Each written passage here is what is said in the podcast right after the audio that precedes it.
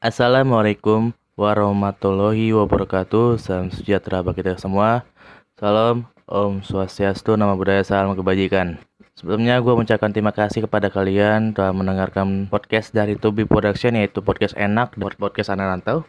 Dan sekarang adalah part kedua yaitu kolaborasi antara podcast anak rantau dengan podcast enak yang diselenggarakan oleh Tubi Production. Part satunya bisa kalian lihat sendiri di Anchor dan Spotify. Sudah ada itu linknya gue bersama Funky, Funky. Oh, secara namanya Funky sih, nama panggilnya Funky. Uh, itu gue kemarin itu membahas tentang kalau dari sisi anak rantaunya dia ya itu tadi termasuk fenomena yaitu ketika dia sebenarnya nggak rantau karena cuma jarak satu jam dia hitungnya merantau dan tentang yang podcast enak itu gue membahas tentang dia menjadi angkatan pertama di salah satu program studi yang ada di Universitas Pendidikan Indonesia dan sekarang gue sebagai host di sini yaitu Bana Benhat disuruh produser yaitu mengajak collab dengan salah satu teman gue yang terakhir kali ketemu itu kapan ya? Gak tau dah. Ini bahasnya tentang dia juga kita juga banget tentang anak rantau juga kebetulan apa e, bekerja untuk mendapatkan duit merantau lah hitungannya merantau udah dapat duit dan untuk yang podcast enaknya kita membahas tentang corona lagi highlight highlight sekarang gini oke mari kita telepon dulu dia halo halo bang Halo, Fer, kedengaran nggak suara gua di sini, Fer? Kedengaran jelas, men. Kedengaran ya, oke, okay. ya, oke. Okay. Uh, eh, ini merupakan ini merupakan tapping kedua sama nih anak karena tapping pertama gagal total. iya, parah, udah capek banget. maaf bro, maaf. Produser. umur gue sekarang 22 Oke, okay, uh, eh, ini gue kenalin hmm. dia salah satu apa ya? Sekarang kerja aja sih. Oke. Okay. Ya, paling itu. Kerja di mana, boy? Uh, kerja gue uh, sebagai asisten peneliti di bidang konsultan pariwisata, tepatnya kantor Stupa Indonesia, Yogyakarta. Oke. Nih, Senat. Hmm, siapa itu dari kampus mana? Ya, kampus kita. Oh iya. Siapa yang pertama? Ya, lu cek lah. Ai, gue udah nge, udah apa? Nggak boleh gitu dong. Kenapa nih boy? Gak apa-apa, canda-canda. Oke, okay. nah ini uh, hitungannya seniornya di atas Ai. Nah, sok kenalin diri lu, lu siapa, umur lu berapa, dan sekarang lu kesibukan lu lagi ngapain? Oke, okay, thank you Ban.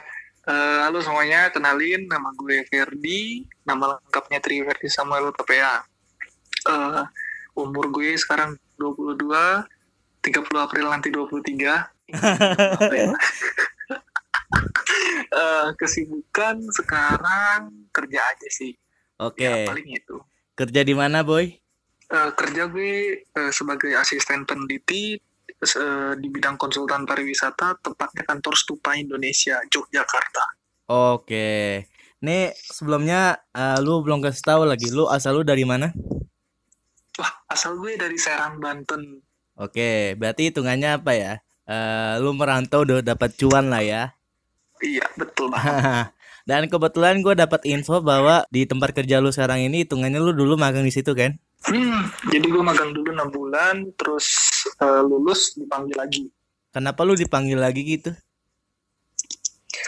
uh, in, bukannya kepedean sih uh, positifnya anggap aja kayak uh, kantor lagi banyak kerjaan lagi menang proyek banyak di bidang konsultan terus orangnya susah nih nyarinya nah siapa sih orang yang udah pernah kerja di kantor walaupun itu anak magang atau siapalah yang udah kenal budayanya kantor ya udah kebetulan gue masih dekat sama HRD-nya masih sering chit chat ya udah di kontak lagi oh gitu, gitu ya men emang di kantornya itu emang kekurangan SDM apa gimana?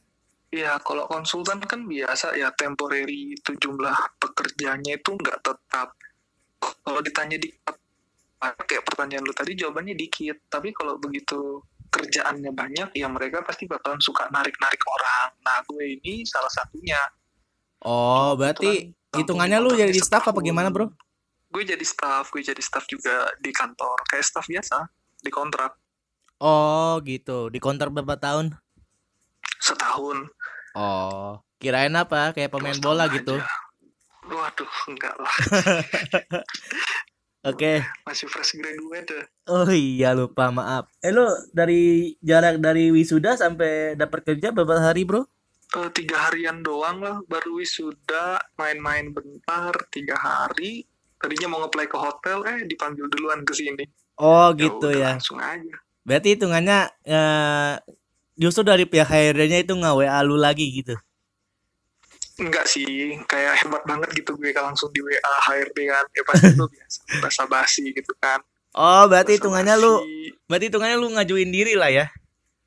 nggak ngajuin diri juga sih cuma kan kayak kita kalau gue sih tipenya suka ngejalin apa ya komunikasi sama teman-teman atau sama orang-orang yang udah pernah gue kontak gitu. Walau nggak sering ya kebetulan momennya pas pas gue kontak eh ternyata mereka lagi kebanyakan pekerjaan dan lagi butuh orang ya udah ditawarin Dan tapi emang eh, tapi emang dari kenyataannya lu eh, eh, sebelumnya sebelumnya dari jauh itu lu berarti sekarang udah kerja berapa berapa bulan boy? kalau kerja yang dibayar gue empat bulan sih dari Oktober kemarin oh berarti sekarang lima bulan sorry lima bulan lah. Lu mentang-mentang udah sibuk kerja jadi lupa lu bulan berapa ya? Iya lupa men hari lupa gue sekarang Buset, udah parah banget lu. Sekarang, sekarang masih ingat gak sekarang hari apaan? kenapa kan Lu masih ingat gak sekarang hari apaan? Jangan nyontek kalender lu. Enggak, kalau sekarang masih ingat hari Kamis. Oke. Tenang. Tenang ya. Oke, sip. Kata lu kan yang eh, baru dapat duit lah hitungannya kan. Empat bulan lah ya. Nah, berarti itu sama lu magang, lu nggak dapat duit gitu?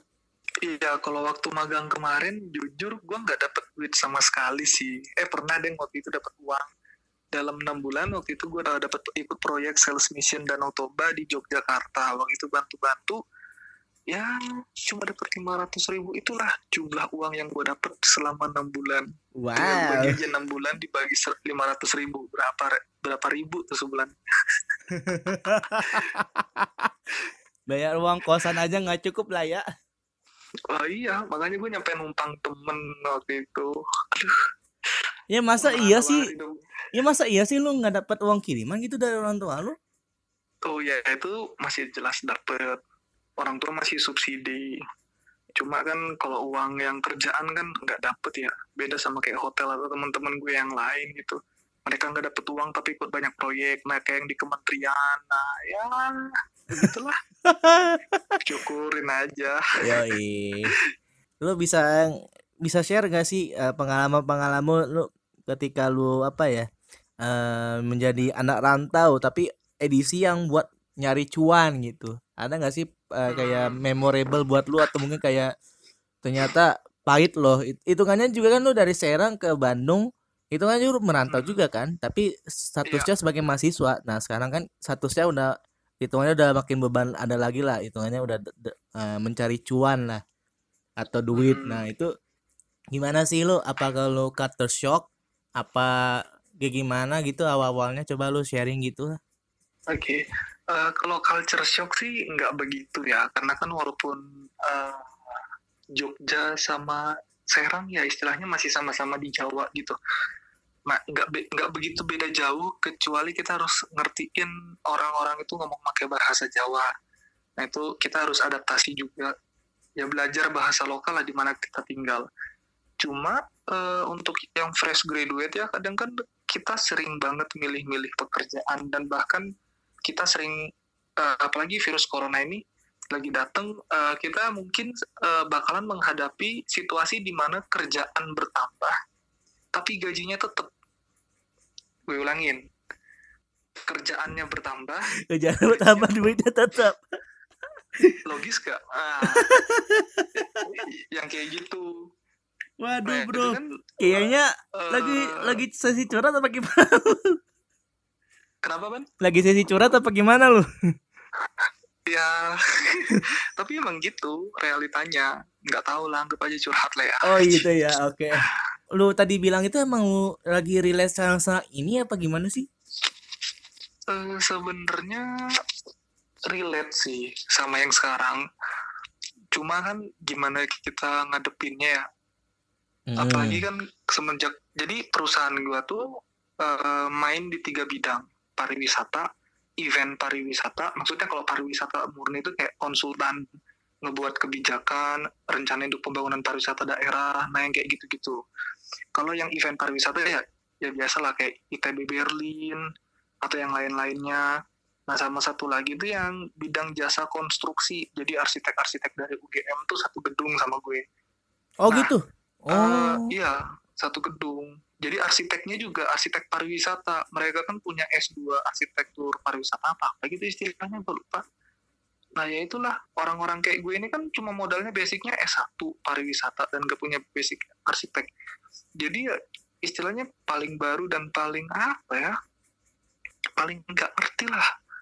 Karena proyek-proyek yang mainnya di kantor gue itu rata-rata di bidang arsitek pariwisata juga kayak KSPN Borobudur penataannya seperti apa nah yang kayak gitu-gitu Nah, Tapi kalau misalnya corona- eh sorry, sorry sorry sorry gue potong. kenapa Berarti hitungannya yang job desk ya yang buat S2 arsitektur pariwisata apakah mereka buat remake Borobudur gitu apa gimana? No no no. Tapi kayak misalnya eh, gimana ya? Gue agak bingung sih milih kata yang gampang dingertiin sama pendengar lu. Tapi intinya kayak misalnya ada gapura. Ini ini Borobudur kondisinya bakalan dibangun gapura. Nah gapuranya itu kayak gimana gitu? Nah eh, selain gapura nanti juga ada konkurs mungkin yang arsitek ngerti gitu. Ada yang ngedengerinnya orang arsitek Oh gitu. Jadi hitungannya jadi hitungannya dari klien itu ngeminta kayak dari situnya itu kayak minta desainnya kayak gimana bentukannya gitu. betul Oh, betul. kirain bener-bener. Oh, berarti hitungannya cuman kayak menambah hiasan lah, ya? tanda petik hiasan doang lah ya. Iya nambahin hiasan sampai ukuran detailnya berapa meter kali berapa meter materialnya apa. Oh gitu. Kalau Heeh, kalau di istilah Oh. konsultan sih istilahnya DED, Design Engineering Hmm. Detail. Ah, Hmm, iya, nah, iya, kayak iya. gitu. Oh gitu. Nah ini kayaknya udah mulai kepanjangan. Jadi ini kan kita topikan dulu tentang anak rantau dulu bro. Oh ya, siap, Oke. siap, siap, siap. Eh berarti hitungannya kan lu di Jogja udah dapat duit dan Hmm. gua dengar kabar-kabar bahwa emang beban hidup di sana nggak terlalu mahal lah ya. Nggak semahal di nggak- Bohong. ah gimana nih? Emang beban hidup di Eh, Jogja gimana sih? Ini ngomongin Yogyakarta ya, kota Yogyakarta atau enggak eh, Sleman yang mepet Jogja ke daerah UGM. Nah, menurut gua sendiri daerah Jogja itu sama Bandung ya sama ya jangan jangan sama Jakarta ya, jelas mahal.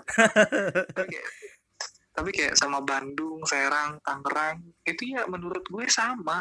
Bahkan kos-kosan di sini tuh menurut gue lah ya, survei di daerah kampus itu mahal. Lebih mahal. Waktu gue dulu di Bandung 600 ribu tuh fasilitas kamar mandi luar, eh, kasur, selimut, bantal, lemari gede, segede gaban, terus eh, sama wifi. Nah, kalau di sini itu dapatnya 700. 750 malah yang kamar gue sekarang. Tapi itu udah ada wifi-nya nggak? Oh, dapat, dapat wifi. Yang kemarin kagak kan? Yang kemarin juga dapat, men. Dapat. Tapi hitungannya eh, yang 750 ini udah sama listrik atau gimana? Listrik air. Ya, semua semua sama. Yang di Bandung udah sama listrik air, yang di sini juga udah sama listrik air. Mungkin lu Gitu. marketingnya lu lu kurang marketingnya bro lu mungkin kayak di Jogjanya itu lu harusnya kenalin sama jadi kayak lu statusnya itu kayak mahasiswa lah gitu lah lu bukan kenalin diri lu kayak jangan jangan kayak ya gua kepekerja ya jangan Kagak, sama aja. Buktiin kalau ada yang ngomong kayak gitu di mana. Bahkan STP aja yang dibilangnya orang-orang borju, orang-orang kaya yang ya orang dalam di pemerintahan semua keluarganya, itu kos-kosannya masih murah-murah. Sekarang bandingin aja, 1,3 di sini dapat apa?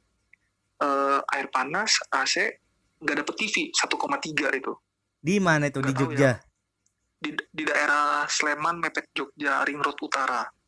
oh mungkin karena dekat sama Iya. UGM kali bro jadi kayak kosan lu Betul, kan betul. ada ada jauhan tuh dari STP nah mungkin kosan lu Iya. ini kan dekat kali sama nah, maksudnya aksesnya deket lah bisa dekat sama Hmm. kampus dekat sama kantor gitu makanya jadi kan lu tahu sendiri kan jadi kalau saya tempat harga tanah atau harga kosan itu kalau dekat sama yang lain-lain atau aksesnya bisa ke mana-mana itu justru lebih mahal Iya sih, tapi ya kondisinya kan eh, di Bandung juga kos-kosan ya deket kampus semua gitu deket kantor semua.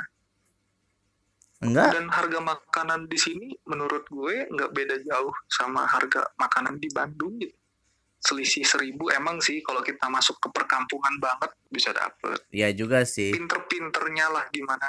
Ya Kalau kondisinya kayak gue nggak ada motor cuma ada sepedahan ya agak terbatas. Oh Kita emang lu nggak di fasilitas? Berarti hitungannya lu dari dari Serang lu nggak bawa motor gitu? Kagak. Seriusan? Kagak bawa motor. Kagak bawa oh. motor ke mana-mana jalan makanya lari terus di sini. Mantap mantap mantap. Ap- eh, selama lu jadi anak rantau di tanah perantauan lu dapat cuan ada nggak sih yang Mhm. lu pengen bagiin gitu loh yang ka- pengalaman contohnya kayak lu pernah kena gempa di Jogja apa gimana gitu?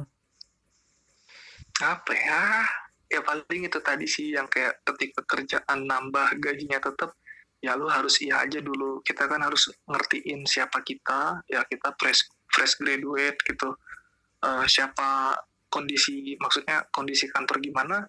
Ya kantor juga lagi kena virus corona bukan kantornya ya maksudnya secara global terkena virus corona dan itu terdampak sama kantor.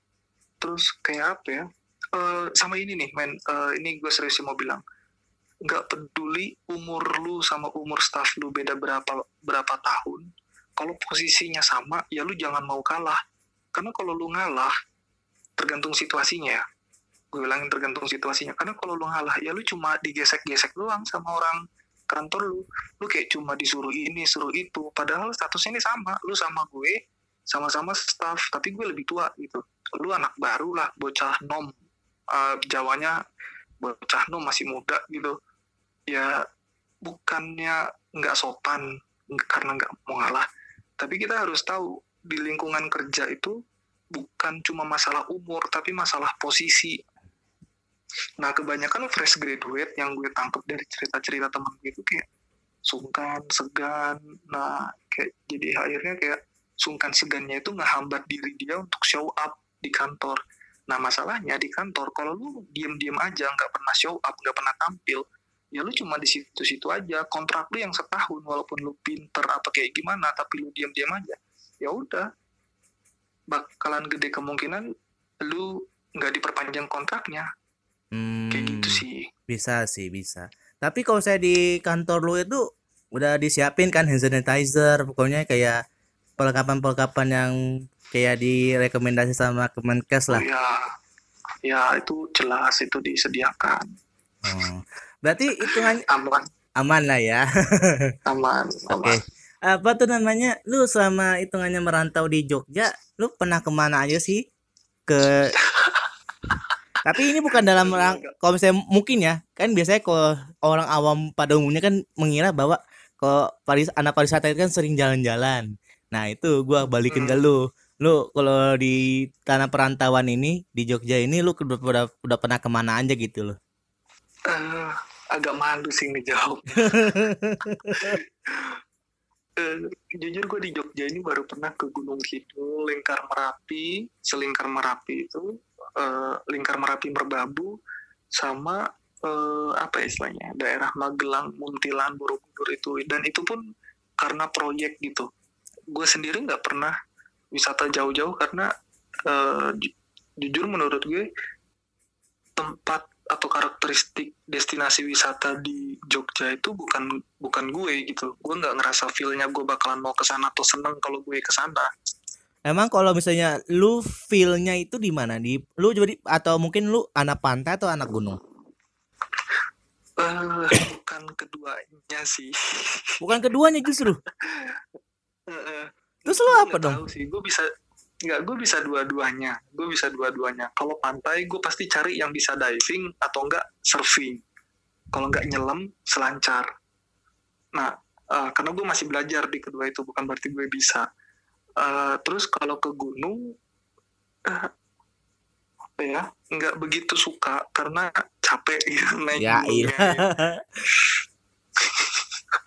Men- paling naik naik bukit aja lah. Tapi pas yang di Bandung juga per ada kan gunung yang bisa diakses pakai motor kan?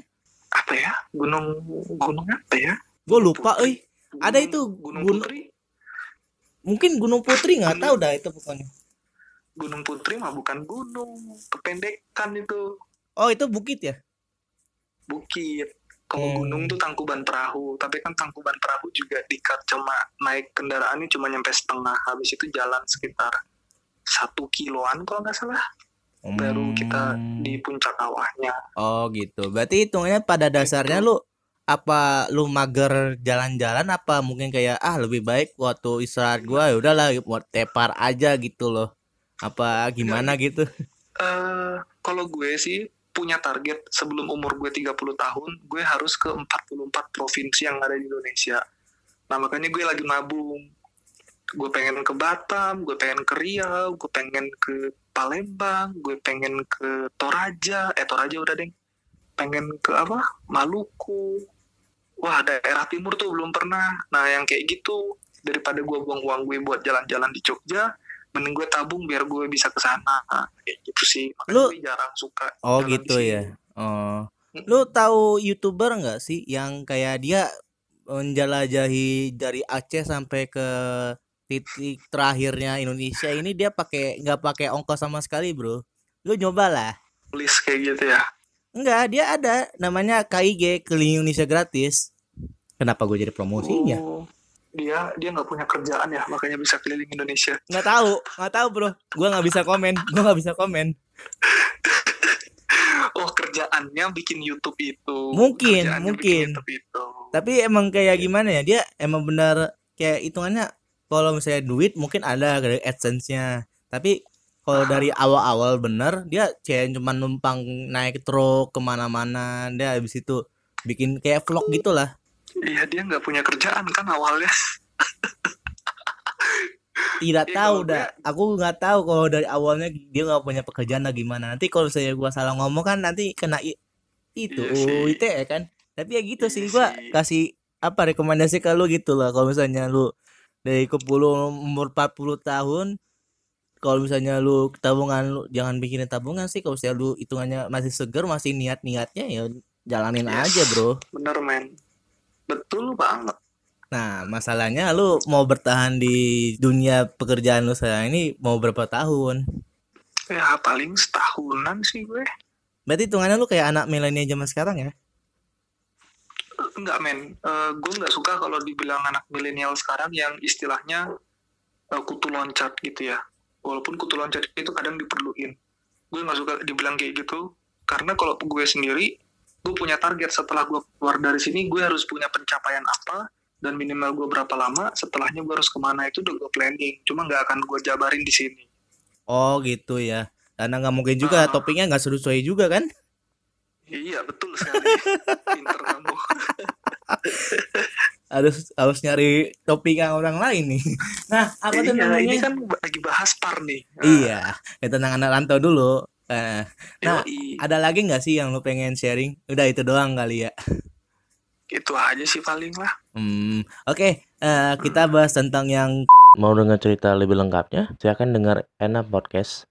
Silakan cek ada di Spotify. Judulnya enaknya membahas COVID-19, pengaruh dan dampak dalam pariwisata. Oke, see you.